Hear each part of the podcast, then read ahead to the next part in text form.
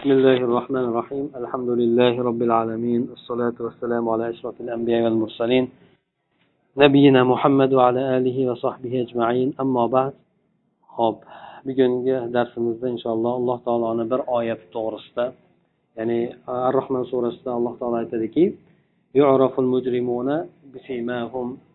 ya'ni mujrim bo'lgan kimsalar tashqi ko'rinishlari bilan taniladi bunday aytganda belgisi bilinib turadi ular shunday tanilib turadi degan oyat alloh taoloni. Ho'p umuman ba'zan odam alloh taoloni kitobini o'qigan paytida ba'zi oyatlar o'tib qoladida e, bu oyatlarda insonda ba'zida xayoldan o'tmagan narsalar o'sha oyat orqali kelib qoladi. Ba'zan inson ko'p o'qiydi lekin ba'zida o'sha oyatni o'qisa oldin o'ylamagan narsasi ya'ni yangitdan bir boshqacha bir ma'nolar o'sha oyatni ostida kelib qoladi. Ho'p e, undan tashqari endi tafsirni ko'radigan bo'lsa bu oyat to'g'risida undan boshqa yana ancha ancha keng ma'lumotlarni berilgan bo'ladi. O'sha alloh taolo oyat karimada aytgan e, ya'ni jinoyatchi bo'lgan kimsalar e, belgilari bilan tanilib turadi deb aytgan oyatlari. Bu endi jinoyatkor bo'lgan kimsalarni tanlab turishligi shu dunyoda ham oxiratda ham bular tanlab turadi. Bularni shu dunyoda tanlab turadigan amallari bor o'zlarini hamda oqibatlari qanday bo'lishligi to'g'risida alloh taolo qur'oni karimda juda ko'p o'rinlarda aytib o'tgan. Oxiratda ham bularni u yerda holatlari qanday bo'ladi qanday suratda bular o'sha oxiratda bo'lishadi bularni ham alloh taolo bayon qilib o'tgandir endi. Albatta alloh taolo avvalo bu jinoyatchikor bo'lgan kimsalarni musulmonlarga o'xshatmadi. Aytdiki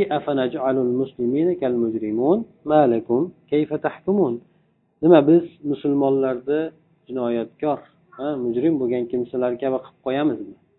Ikkalasini bir xil qilib qo'yamizmi biz bularni? Dunyodagi oqibatini ham oxiratdagi oqibatini ham. Sizlarga nima bo'ldi? Shunday deb o'ylaysizlarmi? Shunday deb hukm qilasizlarmi? deb alloh taolo umuman insonlarga xitob qildi. Yana boshqa bir oyat karimada aytadiki alloh taolo biz mana shunday qilib mana payg'ambar alayhisalomga oyatlar tushirdi oyatlarni izidan oyatlarni tushirdi. Mana shunaqa qilib oyatlarni biz tushirib aytaveramiz hm, keng suratda mufassal bayon qilib beramiz.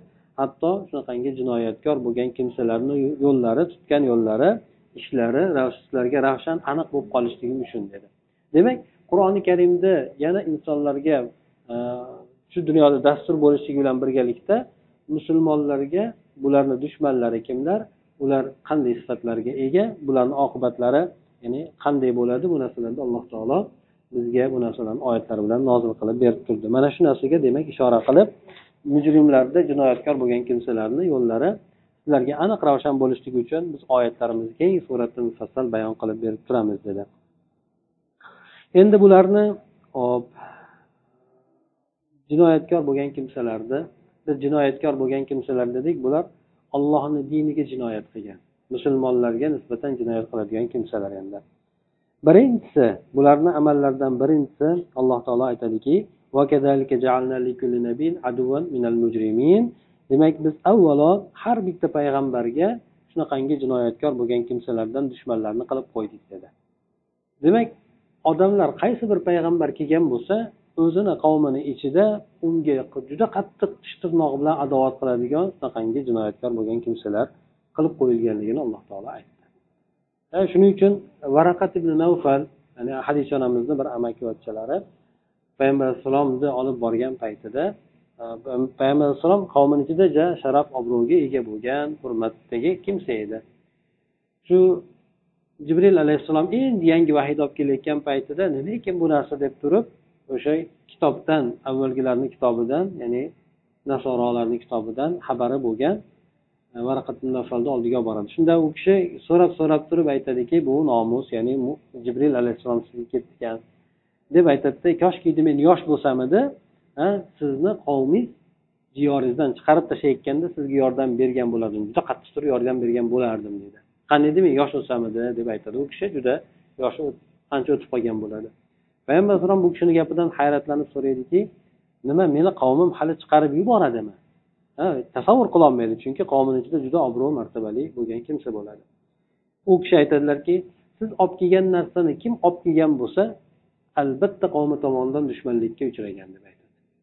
Demak alloh taolo haq bilan nohaqni o'rtasidagi kurash demak payg'ambar keladigan bo'lsa u payg'ambar botil toifa ichiga kelar ekanda shu bilan haqni olib kelganligi uchun ikkalasini o'rtasida kurash ketar ekan. Bu demak odamlarga sekin sekin alloh taolo botilni yo'q qilishlik uchun haqni mufassal bayon qilib berib berib keyin botilni haqiqatdan e, ko'rinishini ochib qo'yar ekan alloh taolo. Albatta payg'ambarlarga qilingan adovat payg'ambarlarni yo'lini tutganlarga o'sha payg'ambarni diniga ergashganlarga nisbatan ham bo'lib kelgan endi bu narsa. Qaysi payg'ambarni olib ko'radigan bo'lsak?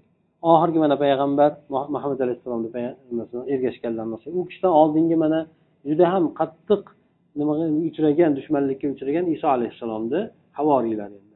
Bular juda qattiq dushmanlikka uchrashadi. Uch tomondan hatto mana o'sha davlat boshlig'i davlat tomonidan yahudlar tomonidan o'zini qavmini ichidan shunaqa juda qattiq nimaga uchraydi. Hattoki bular tog'u toshlarga chiqib u yoq bu yoqqa tarqalib ketishga majbur bo'lishadi. Shunaqa qilib demak bu e, mujrimlarni birinchi bo'lgan nimasi? Haqqa qarshi bo'lishligi. Haqqa hamda haqni ko'targan kimsalarga qarshi bo'lishliklari ekan. Bularni yana e, e, amallardan ikkinchisi keladiki bularni holati to'g'risida. Hop albatta e, bu jinoyatkor bo'lgan kimsalar alloh tomonidan hech qanaqangi tavfiqqa uchrashmaydi. Shuning uchun alloh taolo aytadiki ya'ni albatta ta'kidlab turib alloh taolo aytadiki bunday bo'lgan jinoyatkor kimsalar hech qanaqangi bir tavfiqqa ega bo'lishmaydi uchrashishmaydi yo'liqmaydi. Bular zafar topmaydi deb turib keltiradi. Bu dunyo miqyosida endi.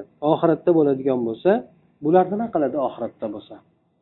Oxiratda alloh taolo bularni holatini bayon qiladi.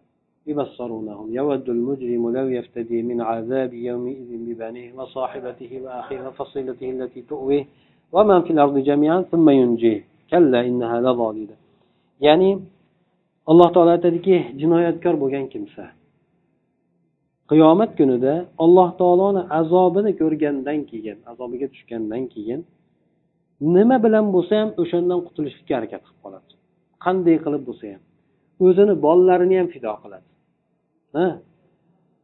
Bolalarimni ham fido qilaman deydi ayolini aka ukasi bo'lsin hattoki eng yaqin odamlari qavmi qarindoshlari bo'lsin yer yuzidagi hamma kerak bo'ladigan bo'lsa hammasini bo'lsa ham fido qilib o'sha berib shu bilan o'sha do'zaxdan qutulsam deb qoladi dedi. Ya'ni bularni holatlarini alloh taolo shunday tasavvur qildi. Ya'ni bular hech kimga el bo'lmaydi.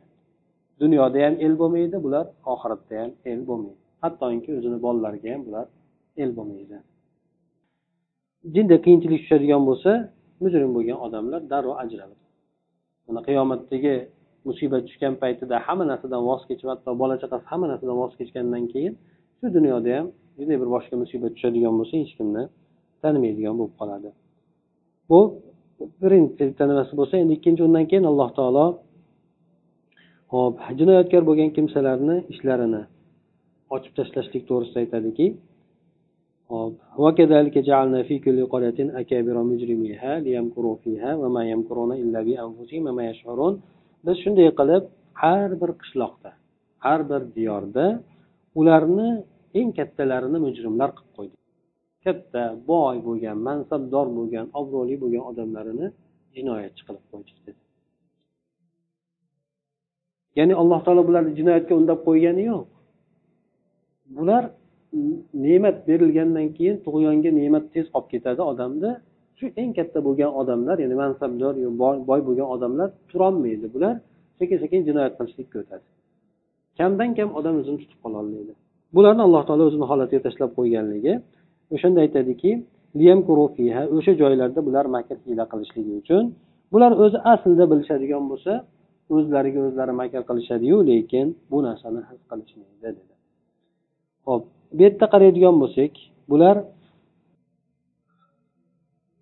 har bir qishloqda har bir joyda qaysi joylarda bir isloh harakatlari ketadigan bo'lsa asosan qarshi chiqadiganlar kattalar bo'ladi. Mansabdorlar boylar boshqalar bo'ladi. Payg'ambar alayhisalom davrini ham ko'radigan bo'lsak asosan o'sha abu jahl abu lahab boshqa shunga o'xshagan zodagonlar kosa kazolar demak o'sha nimaga qattiq turdi. Yana bundan tashqari alloh taolo aytadiki biz agar bir qishloqni halok qilishlikni xohlasak amarna mutrafiya uni maishatxo'rlarga buyuramiz ular hujur ishlarni qilishadi deb keladi.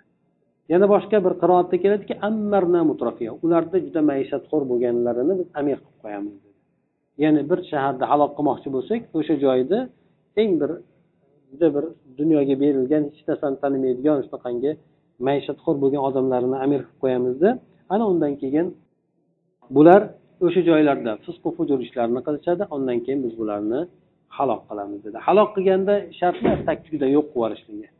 Alloh taolo bulardan butun yaxshilikni mahrum qilib qo'yishligi. O'zimiz ziyonlarimiz ham undan uzoq emasdir endi. Demak e, asosan e, katta bo'lgan odamlar dinga qarshiligi ko'proq bo'lar ekan. Ana shundan demak payg'ambarlarni holatini qaraydigan bo'lsak juda ko'p payg'ambarlar shularni makriga uchragan. Nuh alayhissalomni olib ko'rsak nuh alayhissalom qavmi tomonidan xosatan qavmini kattalari tomonidan makrga uchraydi. Muso alayhissalom fir'avn tomonidan yana undan tashqari muhammad alayhissalom uchraydi makrga uchraydi. Hop ya'ni bular to'g'risida alloh taolo aytadiki bular judayam qattiq makr hiyla qilishdi. Nuh alayhissalom davrida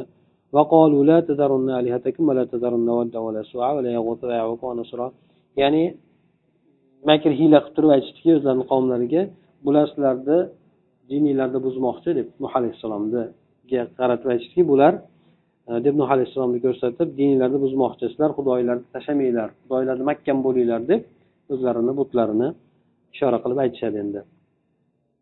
Hop lekin hiylasi nima bo'ldi? Bularni hiylasi o'zini boshiga yetdi. Alloh taolo bu to'g'risida aytadi yomon hiyla egasini boshiga yetadi deb aytgan. Solih alayhissalomni qavmi to'g'risida aytadiki makron. Ular hiyla qilishdi. Hiyla qilishligi qanaqa bo'ldi? Hiyla qilishligi shunday bo'ldiki bularni o'zlarini qavmidan sal insofga kelib qolgan odamlarni kechasida o'ldirib yuboramizda hech kim ko'rmadik deymiz ularni deb aytishadi. Shunday qilishadi odamlarni yo'q qilishib yuboradida bundan keyin ular aytishadiki biz bu narsalarni ko'rmadik deb ya'ni odamlarni bekitiqcha o'ldirishib yuboradi shunaqa qilib makr qilishgan edi bular ho'p. Biz ham shunaqa qilib makr qildik ularga nisbatan. Ular lekin his qilishgan yo'q. Qarang ularni makrini oqibati nima bo'ldi? Biz ularni qavm qavm bilan hammasini tagtugidan yo'q qilib tashladik dedi. Demak allohni diniga qarshi bular turishgan edi. Payg'ambariga allohni diniga qarshi turishganda oqibatda alloh taolo bularni nafaqat o'sha makr qilganlarni o'zlarini balki bola chaqasi hammasi bilan birgalikda alloh taolo halok qilib tashladi ularni muso alayhissalom to'g'risida. Muso alayhissalomga ham juda qattiq makr hiyla qilinadi. O'sha mujrimlar tomonidan da'vatiga qarshi urushiladi. U kishini ergashganlariga juda siqintilik qilinadi. Lekin mana alloh taolo aytadiki hop fir'avn muso alayhissalomni oldi o'ziga dushman qilib oldi. Ya'ni muso alayhissalomni haligi onasi suvda qo'yib yuboradiku. Qo'yib yuborgandan keyin fir'avn o'zi muso alayhissalomni o'zini nimasiga olib qasriga olib o'sha yerda tarbiya qiladi. Lekin shu alloh taolo uni ichidan dushmanni chiqarib qo'yadi. Har qancha o'sha bola tug'ilgan tug'iladigan bola seni boshingga yetadi mulkingni boshiga yetadi degan gapni eshitgandan keyin hamma yosh bolalarni qirdirib yuboradi bani isroilda tug'iladigan. Lekin alloh taoloni irodasi bilan fir'avn o'sha ayni o'zini halok qiladigan uni qo'lida halok bo'ladigan odamni o'zi boqadi. Alloh taolo shunday qilib bir tadbir qilib beradi. Onasi suvga oqizib yuboradi uni ayoli topib oladi ayoli topgandan keyin qasrga olishib oladi endi. Lekin alloh taolo ularni makr hiyla qilgan narsasidan alloh taolo u kishini saqlab qoldi deb aytadi. Ho'p endi bu demak mujrimlarni qilgan ishlar endi. Ho'p alloh taolo bularga nisbatan nima dedi? Nima qildi? Ba'zi yuqorida aytib o'tdik. Yana aytadiki umumiy suratda alloh taolo albatta albatta biz jinoyatkor bo'lgan kimsalardan o'ch olamiz dedi alloh taolo. Alloh taolo o'ch oldi ham.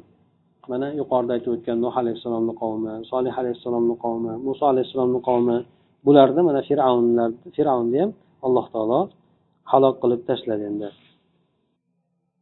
Bu mujrimlarni yana sifatlaridan aytadiki odamlarga nisbatan zulm qilishlik maishatxo'rlik shunga o'xshagan narsalar bu mujrimlarni sifatlaridan deb aytdi. Alloh taolo aytadiki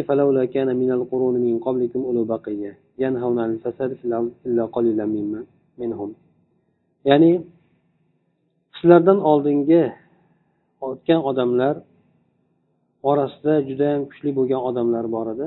Bular yomon fasod ishlardan yerda fasod ishlarni qilishidan qaytarsalar bo'lmasmidi deydi. Juda sizlardan oldin o'tgan mushriklarga nisbatan aytyaptiki sizlar ekan sizlardan oldin o'tgan judayam kuchli bo'lgan odamlar bor edi. Bu odamlar ham o'sha alloh taolo aytgan narsani qilishmasdan qaytargan narsani qilishardi. Shundan qaytarishmas. Faqatgina ularni ichida ozchilik kimsasi bundan mustasno edi biz ularga najot bergan edik. Zolim bo'lgan kimsalar o'sha maishat bo'ladigan narsalarga ergashib ketishdi. Shundan jinoyatkor kimsaga aylanishdi. Alloh taolo bir qishloqni halok qiladigan bo'lsa uni hop aholisi islohga harakat qilib turadigan bo'lsa bu xalqni alloh taolo halok qilmaydi dedi. Agar islohga harakat qiladigan bo'lsa halok qilmaydi dedi. Demak o'sha qavmlarni alloh taolo buni makkadagi mushriklarga qarata aytdi ularga ibrat bo'lishligi uchun. Ya'ni mushriklar muhammad sallallohu alayhi vasallamga qarshi qattiq urushayotgan sizlar ko'zlaringlarni ochinglar. Sizlar ekan sizlardan ko'ra katta bo'lgan mulkka ega bo'lgan qavmlar bor edi bularni biz halok qilib tashladik. Ozginasigina qutqarib qoldik ozginasiga najot berdik. Bular ulardan bo'lmagan edi. Ularga qarshi kurashgan edi. Zolim bo'lgan kimsalar juda maishatga berilib ketishgan edi. Jinoyatkor bo'lib ketgan edi fasod fasod qiladigan bo'lib lekin alloh taolo qaysi bir qavm islohga harakat qilsa sizlar islohga harakat qilinglar shunda sizlarni halok qilmaydi dedi. Demak o'sha jinoyatkor bo'lgan kimsalarga alloh taoloni huzurida juda bir xorlik yetadi o'zlarini mana shu dunyoda juda o'zlarini baland kibr bilan olib turishadi. Lekin bularga alloh taoloni huzurida qattiq azob bor hamda juda xorlik bor dedi. Endi alloh taoloni huzurida bu mujrim bo'lgan kimsalar qanday holatda bo'ladi?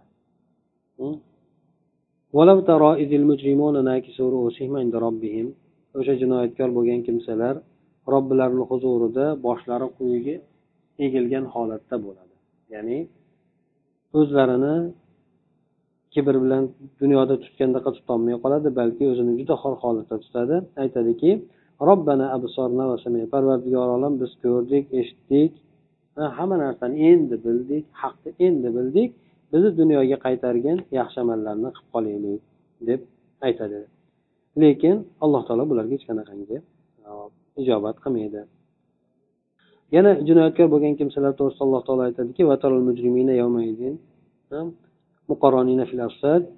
jinoyatkor bo'lgan kimsalarni o'sha kunda zanjirlarga bog'langan bo'ladi bular. Bular o'sha qizdirib turilgan yog'lar bularni ustlaridan quyiladi. Yuzlari o'sha yuzlarini oldiga olib kelingan paytida yuzlari u nimani issiqligidan terlari yuzlarini terlari to'kilib ketadi. Alloh taolo mana shunaqa qilib qilmishiga yarasha bularni jazosini beradi. Deb alloh taolo aytadi. Ho'p bu jinoyatkor bo'lgan kimsalar o'zimizni e, diyorimizda ham bular bor. Mana bu yerda alloh taolo bularni to'g'risida aytib o'tadiki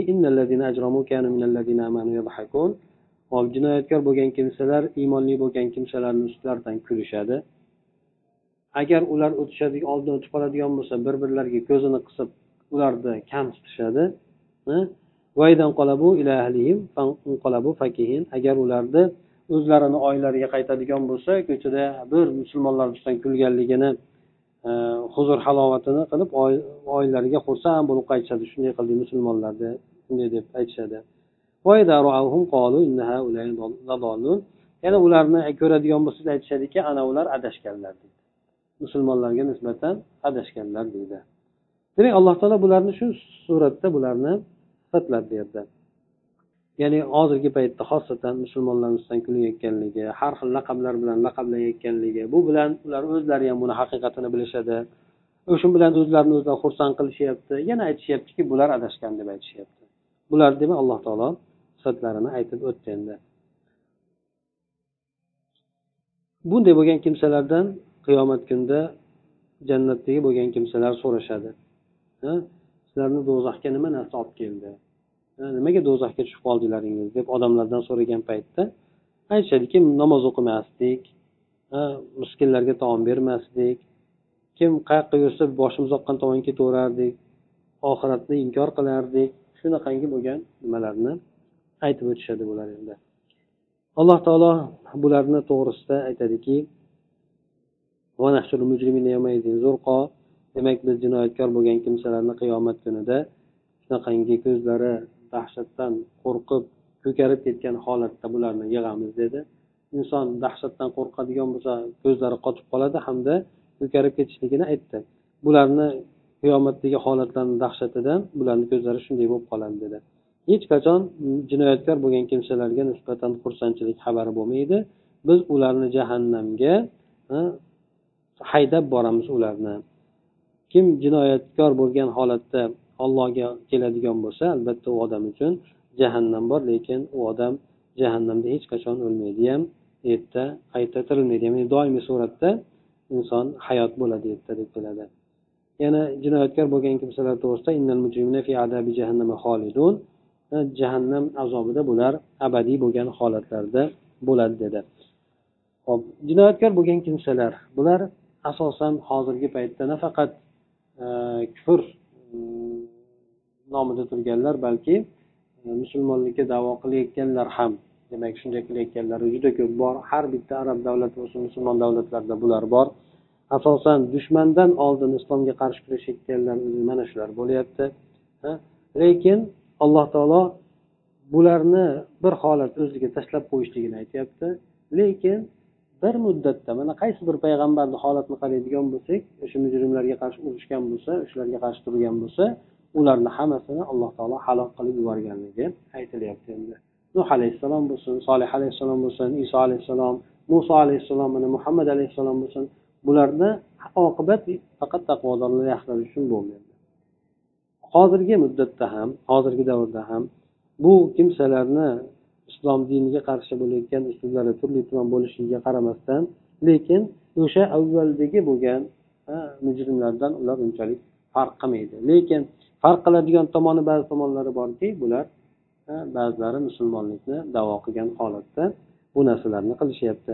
Lekin alloh taolo bularni aytib o'tdi bular makr hiyla qilishadi lekin ularni makr hiylalariga qarang biz ularni qanday halok qilib tashladik dedi. Alloh taolo demak qachoniki musulmonlarni qo'li kuchi yetmay qolgan o'rinda alloh taolo o'zi halok qilib yuboradi. Lekin musulmonlar bu degani qachon e, ya'ni birovlar ishni qilib berishligini qachon bularni halok qilishligini alloh taolo yoki bo'lmasa kimdir kelib turib bularni halok qilib yuborishligini kutib o'tirmaslik kerak. Balki hop aytib o'tildi qaysiki qavm agar islohga harakat qiladigan bo'lsa alloh taolo bularni halok qilmaydi dedi. Demak musulmonlar albatta o'zlari birinchi o'rinda islohga harakat qilishlik kerak. Shunda o'zlarini o'zlari allohni azobidan himoya qilib qolgan bo'ladi. Ikkinchidan esa alloh taolo bu mujrimlar qanchalik darajaga yetgan bo'lmasin alloh taolo bularni halok qilib yuborishligini aytdi. Shundan aytdiki yerda mana ishonmasanglar yerda bir sayr qilib ko'ringlar mujrimlarni oqibati qanday bo'lganligiga bir boqinglar dedi.